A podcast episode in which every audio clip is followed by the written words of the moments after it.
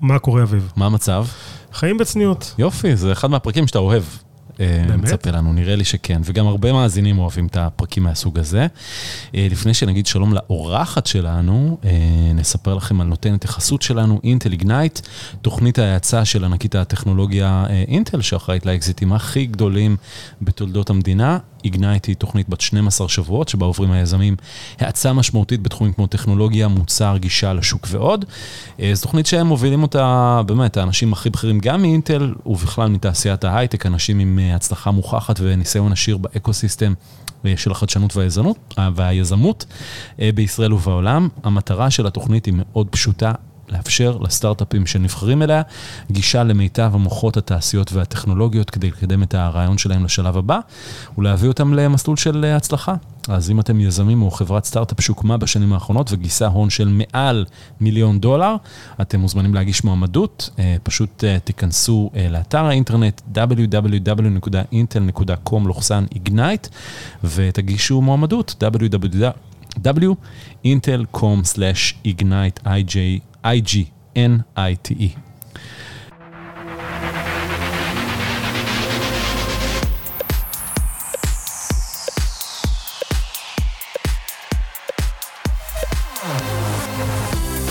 שלום לדוקטור אה, טל פטלון, נכון?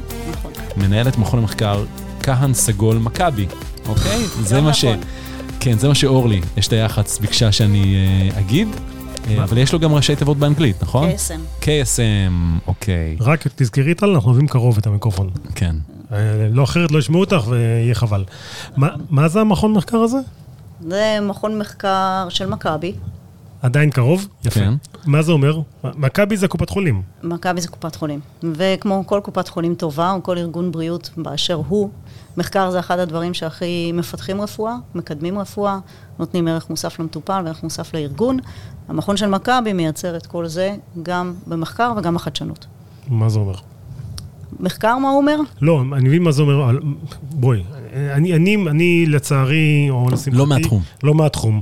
אני מגיע מהייטק, כלומר, שם החדשנות בדרך כלל קורית בסטארט-אפים, ואז, אה, למרות שעכשיו כל מיני כאלה שעובדים במייקרוסופט יהרגו אותי, אה, אבל, אבל רוב החדשנות קורית בסטארט-אפים, ואז כשמגיע ארגון גדול שהוא רוצה את החדשנות הזאת, אז או שהוא אה, משתף פעולה עם הסטארט-אפים, או שהוא קונה אותם, או שקורה משהו כזה.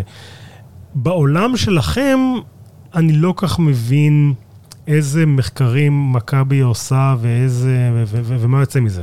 כלומר, חוץ מזה שאנשים פחות מתים אולי. שזה הרבה. כן, חשוב. זה זה חשוב. הכי חשוב, זה מה כן. שהיית רוצה שיקרה. גם זה מה שהיינו רוצים שיקרה עם הסטארט-אפים ברפואה, דרך אגב. באופן היינו כללי שלא ימותו. רוצים שיהיה כן. מניעה. כן. במהות. גם מניעה וגם כש... אם כבר יש צורך, אז טיפול יותר טוב. מה שאנחנו עושים זה, קודם כל זה מחקר אקדמי.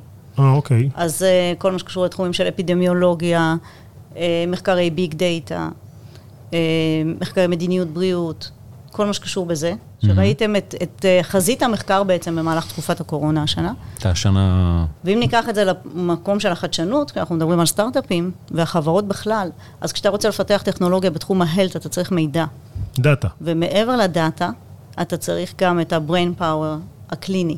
זאת אומרת, הרבה פעמים, מכון המחקר, אצלנו מגיעים המון חברות שרוצות איזשהו, איזשהו גישה לדאטה, מאיזשהו סוג, ויש למכבי אה, דאטה של 30 שנה. אה, תיק 30? אלקטרוני, 30 שנה. וואו. אחת מה... זה התיק מבין הטובים בעולם ברמת האיכות של הדאטה שלו, כי הוא structured ו-unstructured.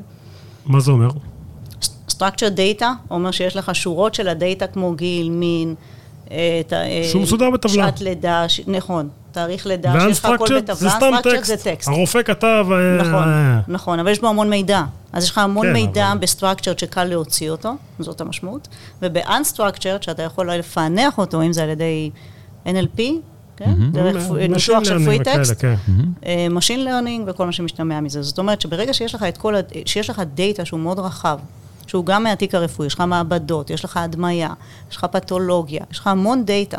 בסוף מה אתה עושה? אתה רוצה לקחת את כל, את כל המידע הזה, אתה רוצה להפוך אותו למשהו שיכול להיות ישים עבור המטופל, נכון? אז- בסוף אז אתה רוצה לתת לו value. אז במכבי מ-1990 שומרים את הדאטה הזה? כן, בטח, כן. וואלה, נכון. הרבה שנים. איך זה ביחס לקופות עכשיו. אחרות? אה, זה צריך לשאול קופות אחרות. איך זה אה, ביחס לעולם? ביחס לעולם זה מאוד מאוד מתקדם, זה אחד מהמאגרי מידע הטובים ביותר שיש בהלט היום בעולם. תגידי, סתם, ש... סתם שאלה, כי קשה לי לפתוח קובץ וורד שעשיתי לפני עשר שנים. איך ניגשים לדאטה שנוצר לפני 30 שנה? איפה, איפה שומרים אותו בכלל? איך זה, איך זה, איך זה עובד? איך אז זה? במערכות מכבי זה נשמר, אתה יודע, און פרם. מכון המחקר יודע לא בענן, לקחת זה- את ה... זה- מכון המחקר של מכבי יודע לקחת את המידע הזה, ו per פרוטוקול מחקר, כי זה תמיד צריך להיות מלווה ומגובה על ידי פרוטוקול מחקר בוועדת הלסינקי, שזה גם מחקר אתי. אנחנו יודעים לקחת את הדאטה הזה, אנחנו מה יודעים? לשלוף מה אותו. זה שנייה מחקר? שאתה יודע, לא אה, מכניסים כפית ואוכלים לך את המוח, אוקיי? אז אתה לא לא פוגעים שזה בך. שומר על זכויות החולה. אה, אוקיי. זה שומר על אבטחת מידע שלך, שאנחנו כחברי מכבי, לדוגמה, לא מנגישים את הדאטה שלנו מזוהה לאף אחד. הבנתי. לא אני כאזרח מדינת ישראל לא רוצה שמישהו ייגע בדאטה שלי. גם לא לא לפייזר שביקשו את המידע על החיסונים. כן. זה משרד הבריאות. כן. כן, אבל זה- לא משנה. אבל אה, לפי משרד הבריאות זה אגרגטיבי, זאת כן, אומרת, זה אנונימי דאטה אגרגטיבי. אנונימי אגרגטיבי. כן. תגידי, טל, את דוקטור לרפואה?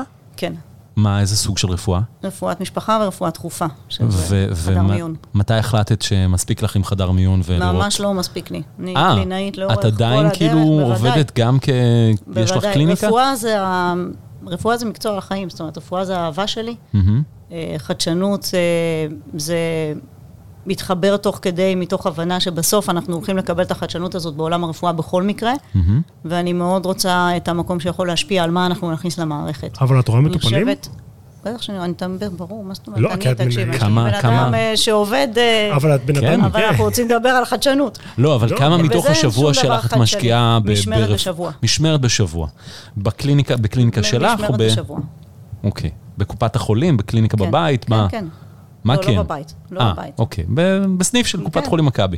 אוקיי, ומתי החלטת, או איך בכלל קרה הדבר הזה שפיתחת גם את העולם הזה של חדשנות? כאילו, איך התגלגלת לתפקיד שאת אה, נמצאת בו היום? אז לא התגלגלתי, עשיתי בחירה. אוקיי. אף פעם לא, לא, גם, לא אה, בהתגלגלות, כן, אוקיי. עשיתי בחירה מודעת. אה, כשפתחו את אסותא אשדוד, זה היה בית חולים הראשון שמכבי, אה, בית חולים ציבורי שמכבי הקימה, חדש לגמרי, מתי זה היה? 2017, כן, לא מזמן. נכון. אה, הקימו שם מיון, שהיה מיון אחוד, שזה היה חדשני כשלעצמו, זאת אומרת, זה מיון שהוא לא מחולק כמו במיונים הרגילים, לכירורגיה, פנימית ואורתופדיה, אלא רופא רפואה דחופה עושה הכל. ואז הלכתי לעשות את השילוב של שני הדברים האלה, זאת אומרת, גם לעשות את החדשנות במקצוע של רפואה דחופה וטראומה, וללכת לעבוד בחדר המיון של אסותא אשדוד. אה, ולהקים, להיות חלק מהצוות שמתחיל תהליך כזה, שהוא תהליך מדהים בעיניי, מבחינה רפואית. כן. ובו במקביל, אה, בזכות פרופסור שוקי שמר, שהיה, שהקים מנכ"ל, אז, אה, מנכ"ל אסותא אשדוד, ומנכ"ל אסותא המרכזים, מהמם. יו"ר הדירקטוריון, הגעתי לשם ורציתי נורא לפתח את החדשנות. והוא אמר לי, אוקיי, יודע, זה הוא ומנהל בית החולים דאז, אה, פרופסור ביטרמן. זהו. ואז שילבתי, אני תמיד משלבת, משלבת קליניקה עם עוד משהו. שילבתי את החדשנות. האתגר שלי היה לעשות חדשנות במקום שאין בו דאטה בכלל, אז איך עושים את זה? בניגוד לכל המקומות הגדולים. אז זה בדיוק, אז, אז בשביל זה צריך להבין קצת משהו, אתה יודע, קצת חדשנות, כי מה זה אומר? כי חדשנות היא מילה שהיא Buzzword היום, כולם עושים חדשנות. לא משנה מה אתה עושה. Buzzword שלפני חמש שנים כבר. בדיוק. כן. Buzzword, נכון, ועוד היום מדברים על, אה, אתה יודע, המהפכה הדיגיטלית ברפואה וטלמדיסין, שזה כבר היה לפני? לפני 15 מה? שנה. נכון, אבל יש איזה כן. דיליי. אבל עכשיו טלמדיסין סוף כן. סוף קורה, עכשיו- בזכות בזכות אבל- מה שקרה בשנה האחרונה. הטלמדיסין זה לא שהטכנולוגיה לא הייתה, זה לא שהטכנולוגיה חדשנית. כן. זה פשוט היה הזדמנות להכניס אותה. זה ברור. הכל.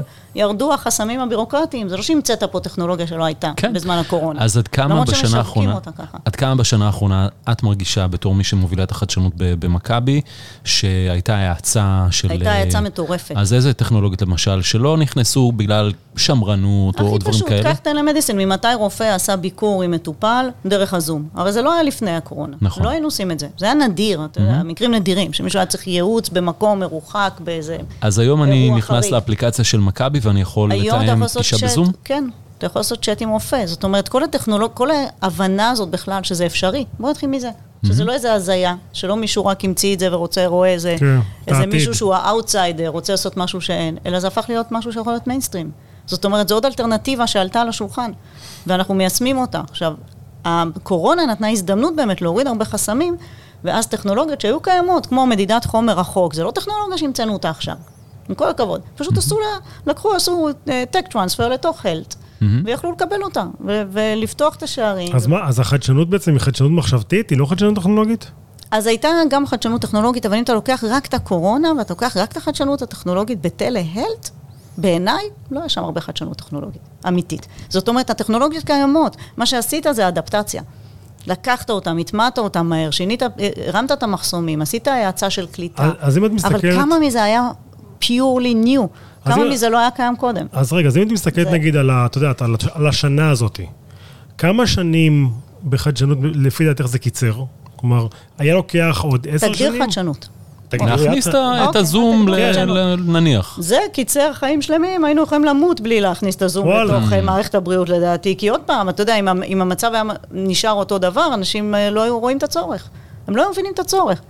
עכשיו, הדור הצעיר מבין, אבל בסוף, אתה יודע, זה תהליך ארוך. כן, מה- קח רק תהליך הכשרה של רופא. אז הרופאים הצעירים, אתה יודע, הדור היום, עד שהוא יגיע לנהל את הארגונים האלה ולהשתמש... זה- אז אתה כבר תהיה בדיליי של עוד אה, קרוב ל... אתה יודע, עשור 20 שנה, וחצי. כן. כן. איבדת עוד אה, טכנולוגיה חדשה. ומה אנחנו מאבדים היום? את הגנטיקה לדוגמה. הפיוטר זה גנטיקה. מה זה לדוגמה, רפואה מותאמת אישית, גנטיקה. בסוף מה יש היום? מה ההווה? כן, זה גם כן, זה לא העבר. זה ההווה, זה עוד לא העתיד, אבל זה יהיה, ילך לשם, ואנחנו לא שם היום. זה לקחת באמת מה זה personalized medicine. מה, אתה מדבר רפואה, כולם אומרים רפואה מותאמת אישית, נכון? נכון. כולם. הכל מותאם אישית היום. לא יודע, אני אף אחד לא לא אומר משנה זה, מה אני אתה, אגיד לא? אומרים לך את זה? מה אני, מה... תפתח את הטלוויזיה. כל דבר, כל דבר שיווקי שאתה תקרא זה מותאם אישית, הכל. הכל היום מותאם אישית. אז אז איזה טכנולוגיות קיימות היום שהיית רוצה להטמיע בתוך מכבי? אז לדוגמה, אז עוד פעם, טכנולוגיות להטמעה, זה כבר לא ה... כשהן כבר מוכנות להטמעה, mm-hmm. זה הארגון לוקח, mm-hmm. עושה את השיקולים שלו ומחליט אם להטמיע או לא. אני, מכון המחקר והחדשנות, בעיניי, בתפיסה שלי, mm-hmm. זה לא, זה, ההטמעה של הטכנולוגיה זה השלב הבא. קודם כל זה לאתר את, את הטכנולוגיה בהתחלה, לאתר את הסטארט-אפ הזה, הקטן, זה שיושב ויש לו רעיון גאוני ועוד אין לו איך לעשות אותו, לתת לו את התשתית שהוא צריך, אם זה מבחינת דאטה, אם זה מבחינת pivoting של הטכנולוגיה למה שהארגון צריך, אם זה מבחינת ידע קליני, כל המעטפת הזאת, אם זה מחקר קליני שאנחנו יודעים לתת, את כל התשתית הזאת שיכולה לקחת אותו ולהגיד לו, תקשיב, אנחנו יוצאים לשותפות דרך, ואז אז- אנחנו עוזרים לו כמיטב יכולתנו. אז תני לנו דוגמה לרעיונות שאתם עכשיו אה, עושים להם אינקובציה במכון מחקר. אז נגיד, אנחנו כרגע מפתחים פלטפורמה, לאשפוז, פלטפורמה דיגיטלית לאשפוז בית במכון המחקר. זאת אומרת, אנחנו הולכים לשטח, אנחנו יושבים עם הרופאים בשטח, והצוותים, והאחיות, והפארה-רפואי, מבינים את הצורך של השטח, הרי אשפוז בית הולך להיות דבר, זה לא, עוד פעם, זה לא העתיד, זה ההווה.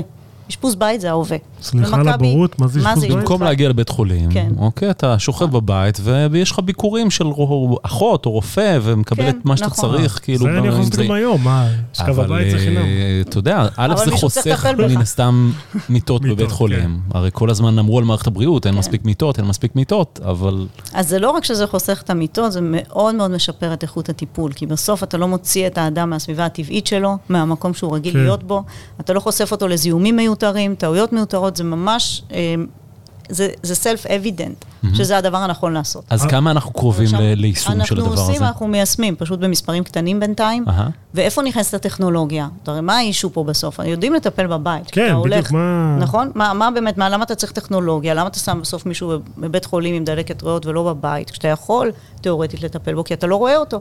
נכון? למה אתה שם אותו בבית חולים באשפוז? אתה אומר, אני רוצה לראות אותו. 24-7, אני רוצה לראות כן. שהוא לא מידרדר, שלא עולה לו חום, שלא.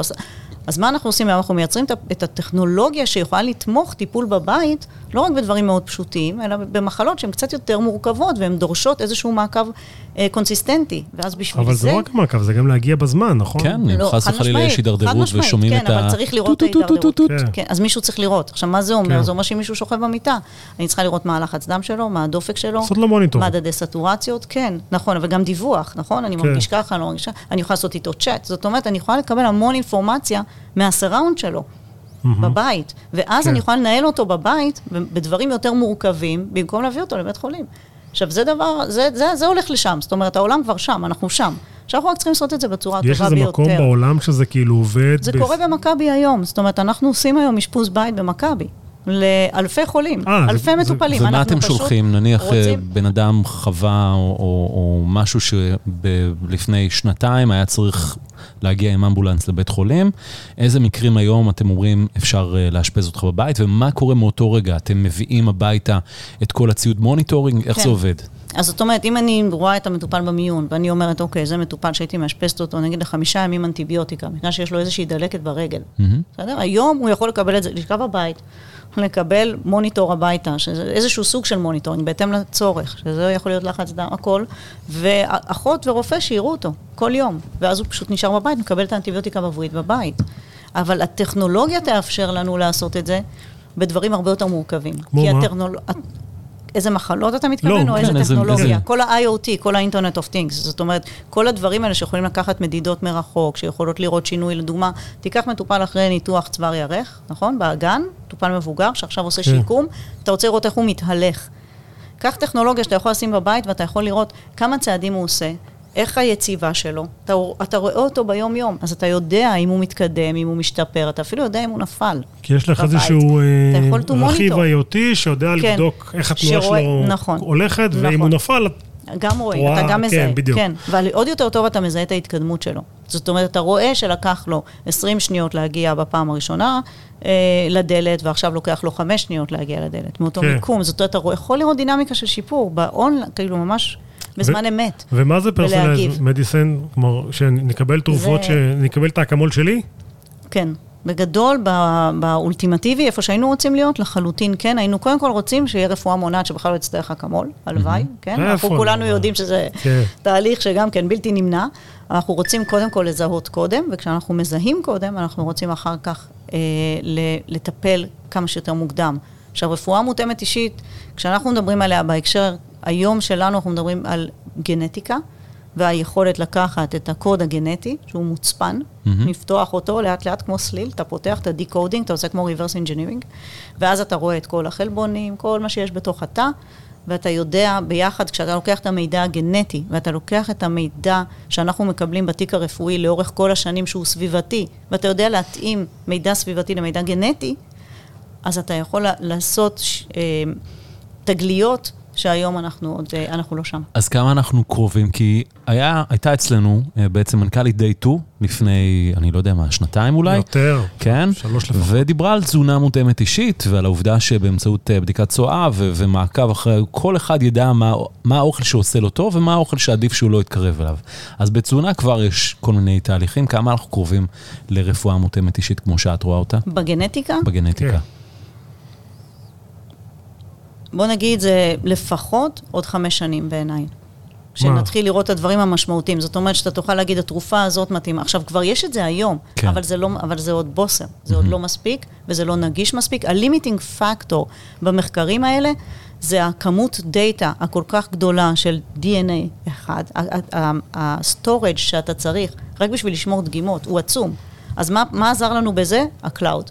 עכשיו, נגיד, מכון המחקר עובד עם שלושת החברות הגדולות, עם גוגל, עם AWS, עם מייקרוסופט, עם Azure, אה, על חדרי מחקר. זאת אומרת שמבחינת compute, יש לנו עכשיו כוח אינסופי. כן, יש לך- אז זה פתר, אז, זה אבל זה נפתר. תהליך שקרה, זה היה תהליך שהיה צריך לקרות, זה תהליכים וגם גם הרגולציה, לה- להעלות דאטה כן. ל cloud. אז זה דבר אחד שנפתר, והדבר השני זה טכנולוגיות הריצוף, שעכשיו מתפתחות בקצב מטאורי. והמחירים, העלויות של הריצוף הן מאוד גבוהות. זאת אומרת, לרצף בגדול דגימת DNA, whole genome sequencing, עולה סביב בין 700 ל-900 דולר נגיד, בגדול. זה רק הריצוף. אז אתה אומר, ככל שהטכנולוגיה תתפתח, וזה מה שקורה היום, הרבה חברות עובדות על זה, לאט לאט הרי המחירים ירדו. זה יהיה כן. כמו שהיה פעם עם האייפון בהתחלה. המחירים לאט לאט האייפון. נשאר יקר. נשאר נכון, הוא התייקר עוד יותר משהו. כן, בדיוק. עלה לאלף דולר. אה, אז ספרי לנו קצת על סטארט-אפים שאתם עובדים איתם ומה מעניין אתכם. אז קודם כל, הכל מעניין אותנו במה שקשור בהלט. כן. כל מה שיכול להביא ערך לארגון ולפתוח אה, הזדמנויות חדשות מעניין אותנו, כי כמו שאני רואה את זה, אני לא תמיד יודעת לצפות מה הדבר הבא בצורה מדויקת, נכון? זה לא שיש לי איזה מידע, איזה כדור בדולח שאין לאף אחד אחר. ברור. אני רוצה לשמוע את כולם.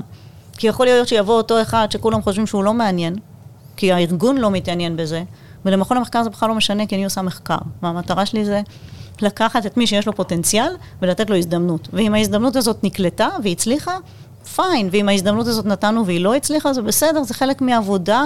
אוקיי, אבל מה, אבל יודעת, אני חושב על סטארט-אפים, שהם עכשיו באים לעבוד עם גוף מחקר. סטארט-אפ אין לו אה, משאבים אינסופיים, הוא לא אה, פייזר. יש לו נכון. מעט מאוד משאבים, הוא צריך נכון. להחליט אם הוא עכשיו אה, מקדיש זמן וכנראה גם כסף, כי יש לו אנשים שהוא צריך לשלם להם כדי שיעבדו אה, איתכם, או שהוא אומר, אוקיי, מה שאני עושה זה לא כזה מעניין כנראה את- את רוב מכבי, אני צריך לעשות פיבוט ועכשיו לפתח תרופה לקורונה, לא יודע. שגם תעניין את מכבי. כן, כל מה אבל שאתה לא תיגע אותך. בהלט יעניין, למה לא? כל מה שתיגע בהלט יעניין את מכבי, זה לא נכון. גם פיתוח תרופות. הכל. כל מה שתיגע בהלט יעניין אותי. שאלה רק באיזה צורה אנחנו נשתף פעולה. אז איך, איך, אז באיזה לשמוע, דרכים? לא, הדרכים לשיתוף פעולה, כן. זה נורא תלוי במוצר, אם זה, זה מאוד תלוי אם זה device, אם זה שימוש בדאטה נגיד, אם זה שותפות של בניית הרעיון מאפס, זה מאוד תלוי, יש לנו אנשים שבאים אלינו רק לשמוע מה הרעיונות שמעניינים אותנו, שהם יתחילו לחשוב על מה לעשות. וואלה, כי- אני יכול עד. כדי כך בוסר, הם בכלל באים בלי הרעיון. אז זהו, כי יש לא מעט יזמים, אני מקווה, שמאזינים אלינו, ואת יודעת, תמיד יש את השאלה הזאתי, רגע, מת, מתי לבוא? מתי לבוא למכבי לדבר? אה, עם מכון המחקר, כמה שיותר מוקדם. באמת, כמה אומר? מבחינתי, כמה שיותר מוקדם, ברור. כי אז אתה מקבל אינפוט, אם לא תשתמש בו זה בסדר, האם קיבלת משהו שהרווחת ממנו, הרווחת, זה תמיד נכון. כשאתה מקבל בחינם לפגישה, תבוא כמה שיותר מוקדם. ואתם אחרי זה יודעים גם לשלם? או שאתם אומרים... אנחנו, לא, מכון המחקר לא משלם. לא משלם. אני לא? משלמת. זה עובד לפי התקשרות שתלוי מה סוג ההתקשרות. זאת אומרת, אם זה, זה תלוי מה, מה, אתה יודע, מה הקונטקסט. כן. אם אתה רוצה לפתח device, אז אתה מפתח את ה-device, ואני יכולה להיות ה beta site שמנסה אותו, כן. שבודק אותו, שעושה לו את ה-confirmation. אם אתה רוצה מחקר בדאטה, אז אני יכולה להגדיר איתך מה ה-cohort. cohort זה האוכלוסייה של המחקר כן. שצריך לעשות. זה תלוי מה המטרה של המפגש. אם אתה עובד נגיד על digital pathology, אז אתה צריך את התמונות, אם אתה עובד על radiology, אתה צריך את ההדמיה. ואתם מבקשים, אז- אז אתם מבקשים כסף תמורת המידע- הדבר הזה, או ש... אנחנו מייצרים שותפות. עכשיו, השותפות, מה זה אומר השותפות? השותפות היא, יש שם הסכם, זה בוודאות, יש הסכם מסחרי, זאת אומרת, כי יש שם שותפות. אני נותנת משהו, מה, אתם לוקחים חלק. מה-IP? אתם אנחנו לא לוקחים? IP, אז מה? אנחנו לא לוקחים IP. IP, במסחור אתה לא רוצה? בתור סטארט-אפ להיות ב-IP, בתחילת הדרך שלך, להיות. ב-IP עם ארגון בריאות גדול, במקרה אני, הצד השני שלי זה עריכת דין. במקרה? אני יודעת שאת זה אתה... חלומה של כל אמא אתה- יהודייה, כאילו... יום, יום בשבוע, עורך דין. כן. אה, לא, דווקא עריכת דין זה כמעט ביום-יום, האמת. כשאתה עובד, יש מספיק שאתה חוזים. עובד כרופא, אתה כן. צריך עורך דין, אבל כן. בכל השאר אתה גם צריך להיות עורך דין. כל בן אדם רביעי במדינת ישראל הוא עורך דין. טוב, זה... זה בעיה אחרת. בדיוק, נכון. אה, אז היו אצלנו אה, לאורך השנים כמה סטארט-אפים מעניינים בעולמות של digital health, בין השאר אה, אייל גורה שהיה פה אה, לא מזמן, עם Zebra Medical והיזם של ויז-AI, אה, והתחום הזה כמעט לא היה קיים, בטח לא בישראל לפני כמה שנים. איך את רואה את זה? שזה הולך, הלט זה, זה כבר ההווה, הייתי רוצה להגיד הדבר הבא, זה כבר לא הדבר הבא, זה ההווה. זהו תחום שהולך להתפתח בצורה מאוד משמעותית. עוד תחום שהולך להתפתח בתוך ההלט בצורה מאוד משמעותית, ואין אותו היום בארץ הרבה, ויהיה אותו מלא בעתיד. מהמם. ואתם יודעים, אולי אני טועה, אבל לא נראה לי, זה יהיה Space Health, רפואה בחלל. רפואה בחלל? סופר מעניין, מה? תחום סופר מעניין. עד שנה שעברה היו, אה, לדעתי, 36 סטארט-אפים בתחום הזה. בעולם. לא, בארץ. ב- בארץ? אני מדברת רק על בתחום הארץ. של רפואה? לחלל? כן, כן, זה סופר, תחום סופר מעניין. אני קורא לסטארט-אפ. לא, ברפואה ב- בחלל, לחלל. רגע, רגע. אה. בחלל, בחלל, אוקיי, אוקיי. בחלל, רגע, ורפואה לחלל. ייכנס עוד יותר, וזה למה יהיה צריך הדבר רפואה הבא. בחלל? סופר מעניין, כי תחשוב שאם אתה יוצא מתוך הנחה שבעתיד, כל הטיסות של tourism ל space וחזרה יצאו והכל, מהאטמוספירה תצטרך- וזה? ברור, אוקיי. הם יוצאים כבר היום, אה, זה כבר יש היום, אבל פשוט כן. עוד לא, זה מאוד יקר. ו- אבל עם הזמן, קח קדימה, אנחנו רוצים לדבר, אתם יודעים, עשר ש- עשר שנים קדימה. אוקיי. אז אם אתה רואה vision, אז אתה אומר, קודם כל, התחום הולך ומתפתח בצורה מטאורית. שתיים, אתה תצטרך לטפל באנשים שם, כמו שאתה צריך לטפל בהם פה.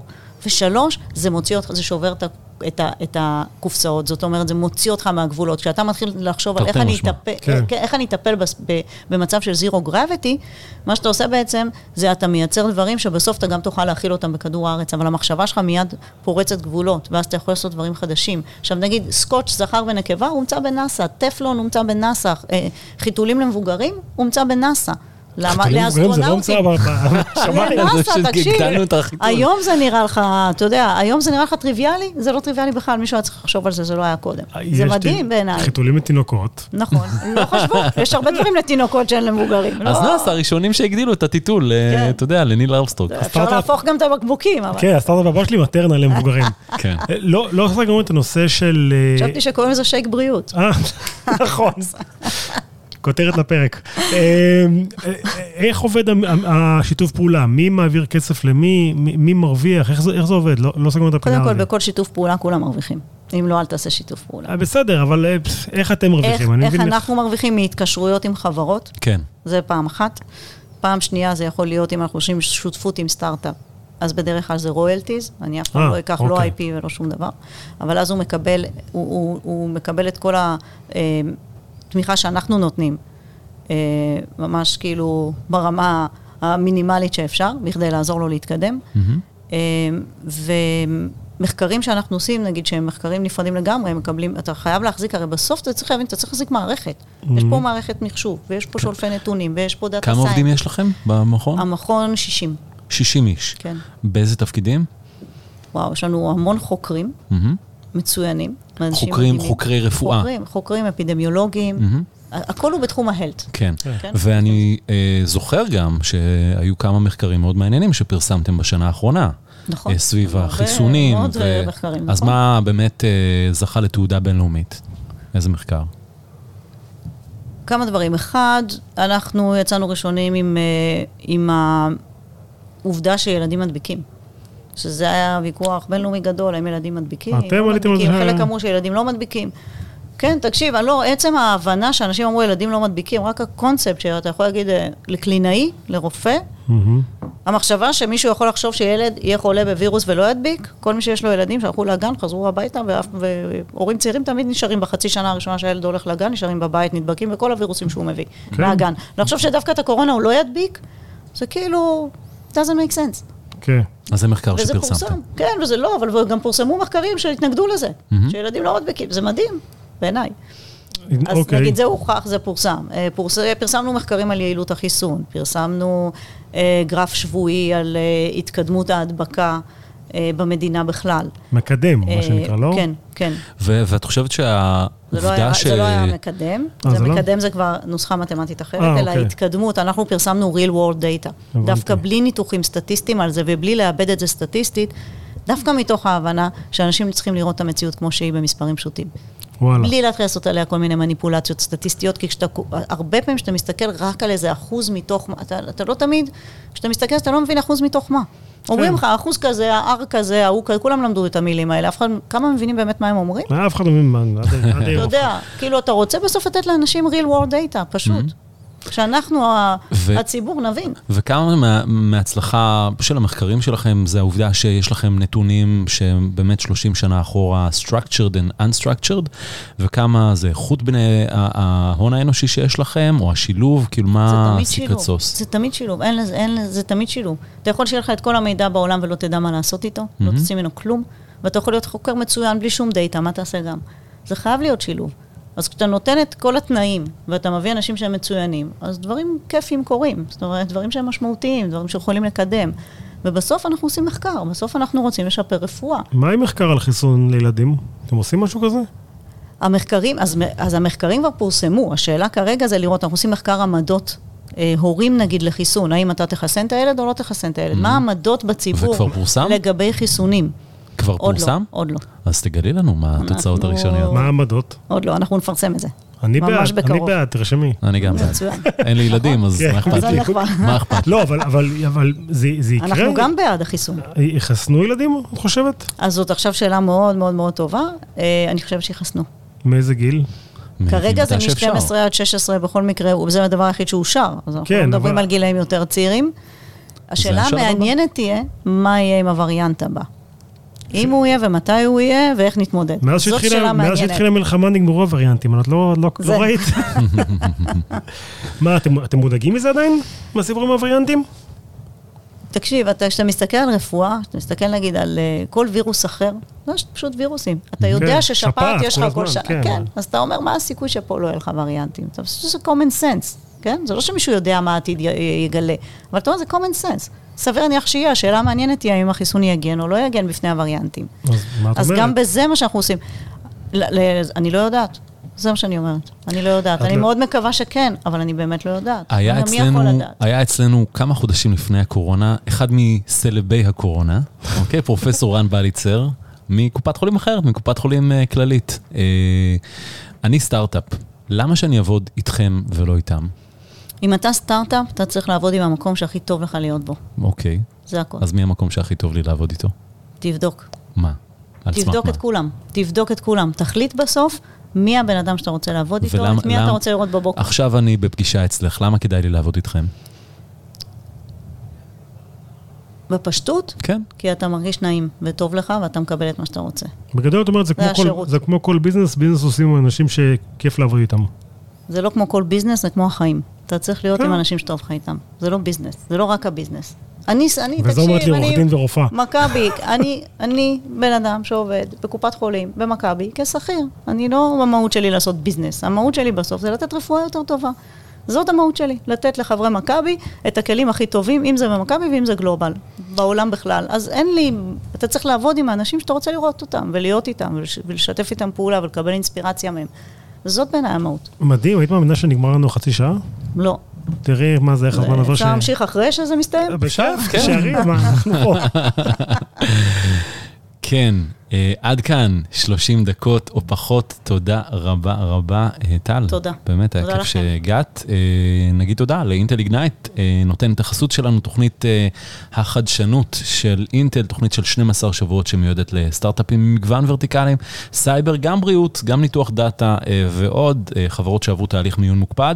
זו תוכנית שנותנת גישה בלעדית למנטורים של אינטל, לבכירים בתעשיית ההייטק הגלובלית, וגם גישה למשקיעים שנחשבים לטובים בעולם. אז uh, התוכנית הזו פשוט עוזרת ליזמים שמתקבלים אליה להאיץ את הסטארט-אפ ולבנות את uh, רשת הקשרים שלהם. אם אתם יזמים או חברת סטארט-אפ שהוקמה בשנים האחרונות וגייסה הון של מעל מיליון דולר, אתם מוזמנים להגיש מועמדות. Uh, פשוט תבקרו באתר www.intel.com/ignite www.intel.com/ignite I-G-N-I-T-E.